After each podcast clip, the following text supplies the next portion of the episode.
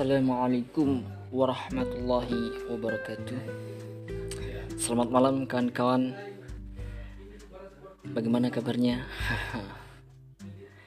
Monoton ya, tanya terus kabar Ya semoga kita selalu berada dalam perlindungan Allah Subhanahu wa taala. Semoga kawan-kawan selalu diberikan nikmat oleh Allah berlimpah terutama adalah nikmat iman. Semoga Allah jaga iman kawan-kawan.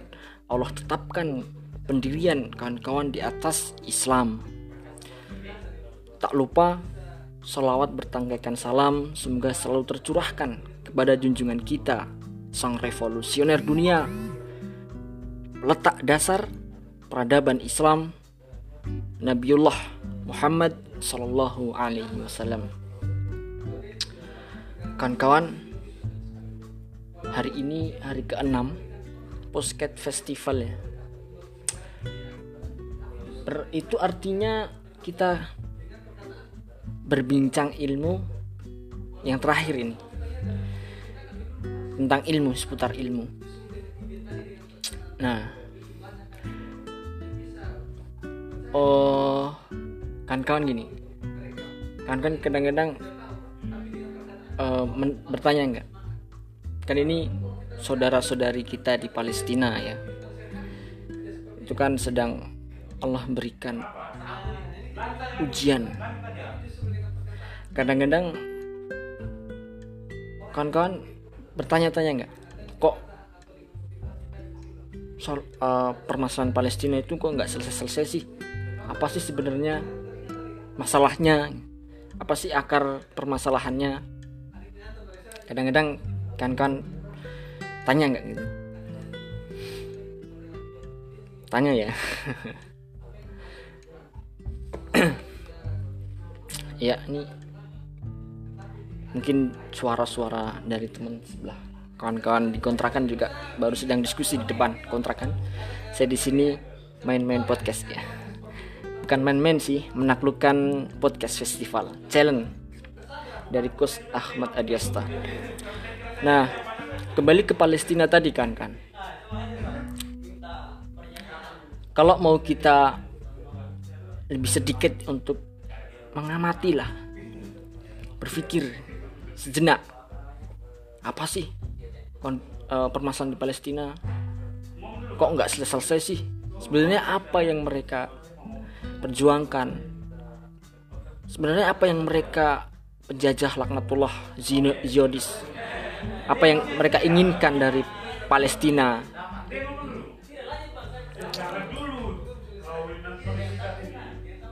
itu akan kita dapati bahwa permasalahan di sana itu cukup kompleks. Tentu yang paling penting adalah masalah apa? Agama. Jadi bohong itu orang-orang yang mengatakan bahwa Palestina itu tidak ada kaitannya dengan agama. Palestina itu cuma problem kemanusiaan saja lah. Ih, omong kosong itu. Innamal mu'minuna ikhwah. Apa itu maksudnya? Dalam Al-Quran Allah mengatakan innamal mu'minuna ikhwah bahwa orang-orang beriman itu kata Allah bersaudara. Bahkan ditambah lagi kalau kita mau cari di nas nas hadis bagaimana Rasulullah menganalogikan bahwa kaum muslimin itu ibarat satu tubuh. Kalau satunya terluka ya semua merasakan sakit. Demam ya demam semua merasa coba kalau teman-teman eh, sakit itu kan tidak mungkin tangan saja yang sakit terus yang lain enggak. Pasti semuanya merasakan dan membantu gitu tangan satunya membantu dan semua akal berpikir bagaimana caranya dan sebagainya. Begitu juga kaum muslimin saat ini ibaratnya seperti itu dan kita juga tahu ataupun tidak tahu ya mau ataupun tidak mau paham ataupun tidak paham yang terjadi konflik di Palestina itu tidak terlepas dengan politik. Tidak terbebas dari unsur-unsur politik. Maka di situ kaum muslimin juga harus uh, mampu memahami geopolitik, harus mampu menumbuhkan kesadaran, mampu memiliki pemahaman tentang politik. Betapa pentingnya politik. Kok bisa ada unsur politik? Terus kalau misalkan ada unsur politik, apa solusinya? Jadi politik atau siasah ya kawan-kawan. Mempunyai makna mengatur urusan umat. Baik di dalam maupun di luar negeri. Politik dilaksanakan baik oleh negara maupun umat. Jadi negara itu mengurus kepentingan umat. Sedangkan umat melakukan koreksi terhadap pemerintah. Jadi kawan-kawan sejak khilafah dihancurkan dan sistem politik kufur diterapkan di negeri-negeri kaum muslimin, politik Islam tersingkir. Pada saat itulah masuk berbagai konsep pemikiran politik barat yang ditegakkan di atas ideologi kapitalisme. Ideologi yang memisahkan agama dari kehidupan. Jadi kawan-kawan, yang harus kita pahami sepenuhnya oleh umat Islam, tidak hanya kita, adalah bahwa politik Islam tidak didapat diterapkan tanpa tegaknya daulah khilafah. Bahwa memisahkan politik Islam dari kehidupan dan agama berarti menghancurkan Islam, sistem, dan hukum-hukumnya, serta memusnahkan umat, nilai-nilai peradaban, serta risalahnya. Coba kan-kan, kita berpikir uh, sejenak lah, mendalami kalimat tadi bahwa ketika politik dipisahkan itu Islam sama saja kita menghancurkan Islam. Banyak, berapa banyak sekarang penghina Islam penghina agama Allah. Kemudian sistemnya juga rusak. Coba kita lihat sistem pendidikan yang diterapkan itu sistem apa ya? kemudian hukum-hukumnya. Berapa hukum-hukum Islam yang tidak ditegakkan mungkin cuma hukum rumah tangga, hukum pernikahan itu yang ditegakkan sampai sekarang ya. Tapi bagaimana hukum kita bernegara? Bagaimana hukum kepemerintahan kita saat ini? Serta apa? Memusnahkan umat. Apa buktinya?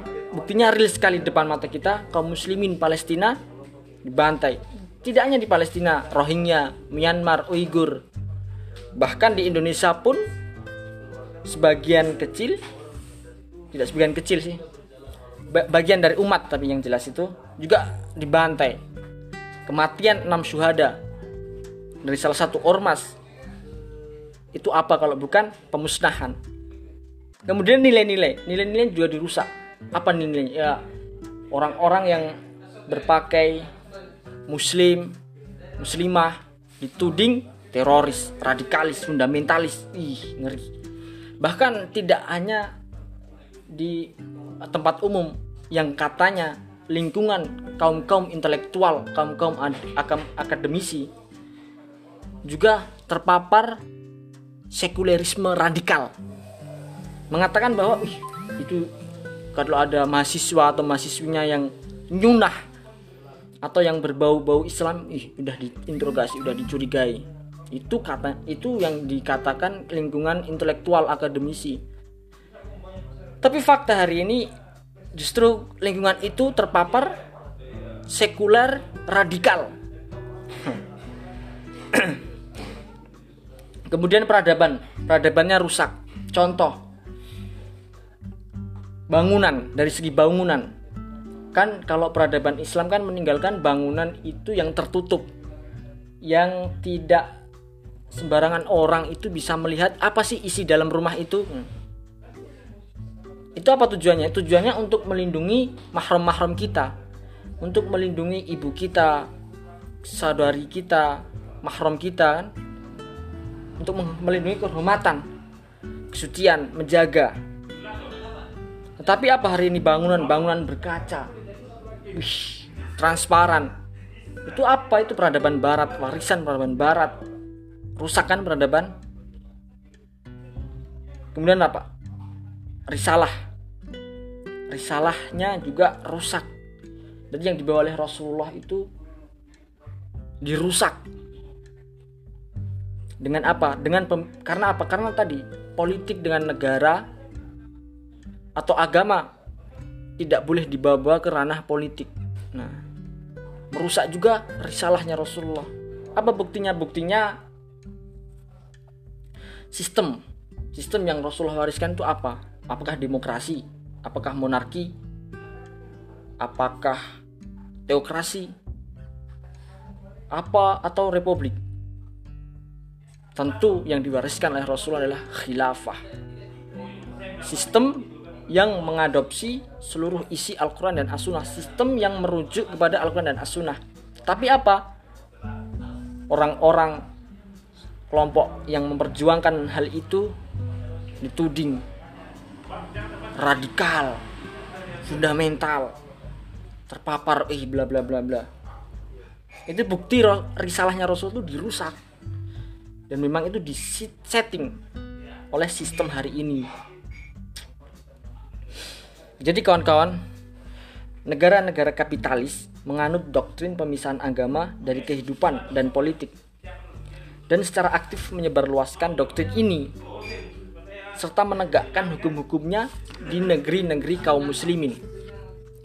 Mereka menyesatkan umat dengan menggambarkan bahwa politik tidak sejalan dengan agama, bahwa politik bersifat pragmatis dan menerima realitas apa adanya, serta mustahil untuk mengubahnya Hal ini dimaksudkan agar umat tetap berada di bawah penindasan negara-negara kafir dan tidak mampu menemukan jalan bagi kebangkitannya. Jadi kan kawan, lebih lanjut, kaum kafir menjauhkan umat Islam dari kelompok-kelompok politik Islam dan dari keterlibatan dalam kegiatan politik. Hal ini disebabkan karena negara-negara kafir menyadari sepenuhnya, bahkan tidak mungkin umat Islam menyerang pemikiran politik kufur tanpa sebuah aktivitas politik dan terlibat dalam suatu organisasi politik berbasiskan Islam. Ini orang-orang kafir itu menyadari sepenuhnya bahwa penyerangan yang membahayakan mereka adalah penyerangan politik. Tapi kadang-kadang kita miris melihat kaum muslimin sendiri sebagian segelintir justru malah mendustakan politik Islam itu sendiri bahkan mengkerdilkan. Astagfirullah Subhanallah. Nah kan kawan Kampanye untuk menjauhkan umat Islam dari kegiatan politik dan para politisi Islam sampai pada usaha melukiskan politik sebagai kegiatan yang kotor atau najis yang bertentangan dengan keagungan dan spiritualitas Islam. Ini kampanye yang mereka gaung-gaungkan Oleh sebab itu kawan-kawan, umat harus memahami rahasia di balik perseteruan antara negara-negara kafir dan penguasa-penguasa boneka dengan kelompok-kelompok Islam yang berjuang menegakkan negara khilafah, memerangi pemikiran-pemikiran kufur, serta mengembalikan kejayaan Islam merupakan keharusan bagi umat untuk memahami dengan sebaik-baiknya makna politik secara kebahasaan maupun dari sudut pandang syariat dan bahwa politik Islam tidak dapat direalisasikan tanpa tegaknya daulah khilafah. Tanpa itu semua, Islam mati secara politis. Islam juga tidak dapat dikatakan hidup tanpa tegaknya negara khilafah yang bertindak sebagai entitas politik yang menegakkan dan melaksanakan semua hukum Islam. Inilah metode syar'i kan kawan untuk melaksanakan sistem dan hukum-hukum Islam dalam kehidupan masyarakat umat Islam juga harus mengetahui bahwa Allah Subhanahu wa taala telah mewajibkan umat menerapkan semua hukumnya. Mari kita cek dalam Quran surah Al-Baqarah ayat 208. Oke kan kan? Dan Allah juga melarang pelaksanaan sistem kufur sebab hal itu bertentangan dengan sistem Islam dan karena sistem itu adalah buatan manusia oleh karena itu, diperlukan usaha membina umat dengan sakofah Islam. Secara berkesinambungan mengisi mereka dengan pemahaman tentang hukum-hukum dan pemikiran politik Islam. serta menjelaskan bagaimana metode untuk menggali hukum-hukum dan pemikiran ini dari akidah Islam dalam kapasitasnya sebagai pemikiran politik. Selain itu perlu menekankan sakofah kawan-kawan.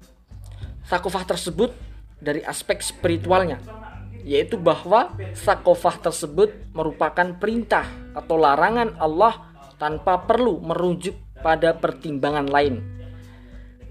Aspek spiritual ini kawan-kawan akan menjamin kekuatan hukum dan pemikiran ini dalam jiwa umat serta menunjukkan makna politik dan pemikiran politik kepada umat bahwa mereka menyandang kewajiban untuk melaksanakannya dalam kehidupan. Penekanan pada aspek spiritual ini kawan-kawan juga dimaksudkan untuk menunjukkan pentingnya dakwah yang wajib mereka sampaikan ke seluruh dunia. Hal ini merupakan bagian yang sangat penting mengingat keadaan yang terjadi saat ini di dunia, yaitu hilangnya negara Islam, kawan-kawan, hilangnya hukum-hukum Islam, kawan-kawan, dan hilangnya pemikiran Islam, kawan-kawan, dari apa? Dari kehidupan kita, dari kehidupan umat Islam, dari kehidupan kaum muslimin seluruh dunia, serta tenggelamnya dunia dalam kerusakan, penderitaan, dan perbudakan manusia. Pembinaan politik ini kawan-kawan baik berupa pembinaan hukum-hukum dan pemikiran Islam maupun dengan mengikuti peristiwa-peristiwa politik akan menciptakan kesadaran politik dan kesadaran umat akan misi dan tanggung jawab utamanya yaitu menyampaikan syiar Islam kepada seluruh bangsa dan umat manusia. Nah, itu kan kawan betapa pentingnya politik untuk kaum muslimin seluruh dunia, tak hanya di Palestina. Jadi kita memerlukan entitas politik yang mampu menjaga nilai-nilai Islam seluruhnya. Kalau kita tengok sejarah kawan-kawan, kenapa dulu Palestina atau Baitul Maqdis bisa dibebaskan oleh Sultan Salahuddin Al-Ayyubi? Kenapa bisa gitu? Kenapa sekarang kok nggak bisa?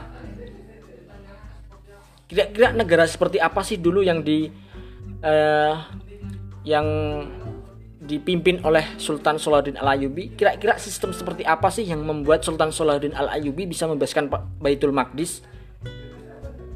Atau tarik mundur lagi ketika sahabat Umar bin Khattab radhiyallahu anhu dulu kok bisa sih menaklukkan Palestina menaklukkan Baitul Maqdis. Dulu apa sih sebenarnya negara yang dipakai oleh Umar? Sistem apa sih yang dipakai oleh Umar bin Khattab? Kok sampai bisa membebaskan Palestina atau Baitul Maqdis lebih tepatnya ya? Kok sekarang nggak bisa? Kenapa? Coba kita kadang-kadang tanya gitu, tanya aja meskipun masih belum tahu jawabannya. Insya Allah Allah kasih jawabannya. Nah, begitu kan kan. Semoga juga kita semua terlebih saya juga dan tentu teman-teman kawan-kawan yang mendengarkan podcast ini semoga Allah berikan pemahaman. Semoga Allah senantiasa istiqomahkan menuntut ilmu dan pemahaman memahami politik memahami situasi dan kondisi dunia hari ini problem-problem seluruhnya dan bagaimana menghadirkan solusi yang solutif. Bagaimana menghadirkan solusi yang Allah ridhoi. Nah, oke okay kan kan untuk menutup podcast kita hari ini ke hari ke-6 ini malam hari yang indah. Saya ingin membacakan sebuah puisi dari Kang Sifrun. Ilmu ialah kemuliaan yang tiada ada kehinaan di dalamnya. Diraih hanya dengan merendah tanpa merasa tinggi sebab ia musuh kesombongan diri sebagaimana banjir tak hendak pada dataran tinggi. Wahai pencari ilmu, selamilah kehati-hatian suci, jauhi nyenyak dan tinggalkan kenyang. Langgengkan belajarmu dan jangan beranjak, karena kian dikaji ilmu kian tegak menanjak. Jikalaupun luput darimu dunia dan segala isinya, maka pejamkan matamu. Cukuplah ilmu sebagai sebaik-baiknya karunia yang Allah berikan padamu. Layani ilmu dengan pengabdian pencari faedah sejati langgengkan pembelajarannya dengan laku terpuji. Aduhai betapa rugi seorang santri jika ilmunya hanya untuk mencari pemberian para hamba dan abdi. Ilmu ialah mahkota yang jubahnya adalah manfaat. Apa guna mahkota bila raja berjalan telanjang? Apa guna ijazah bila santri berhambur tak tuai manfaat? Kita semua adalah santri dituntuti memburu ilmu dari mahdi ilalahdi. Santri ialah pengabdi ilahi, tak untuk dibeli janji duniawi. Sekian itu yang dapat saya sampaikan. Dan terima kasih. Akhir kalam, Assalamualaikum warahmatullahi wabarakatuh. Sampai jumpa di ruang podcast Gozi selanjutnya. Bye bye.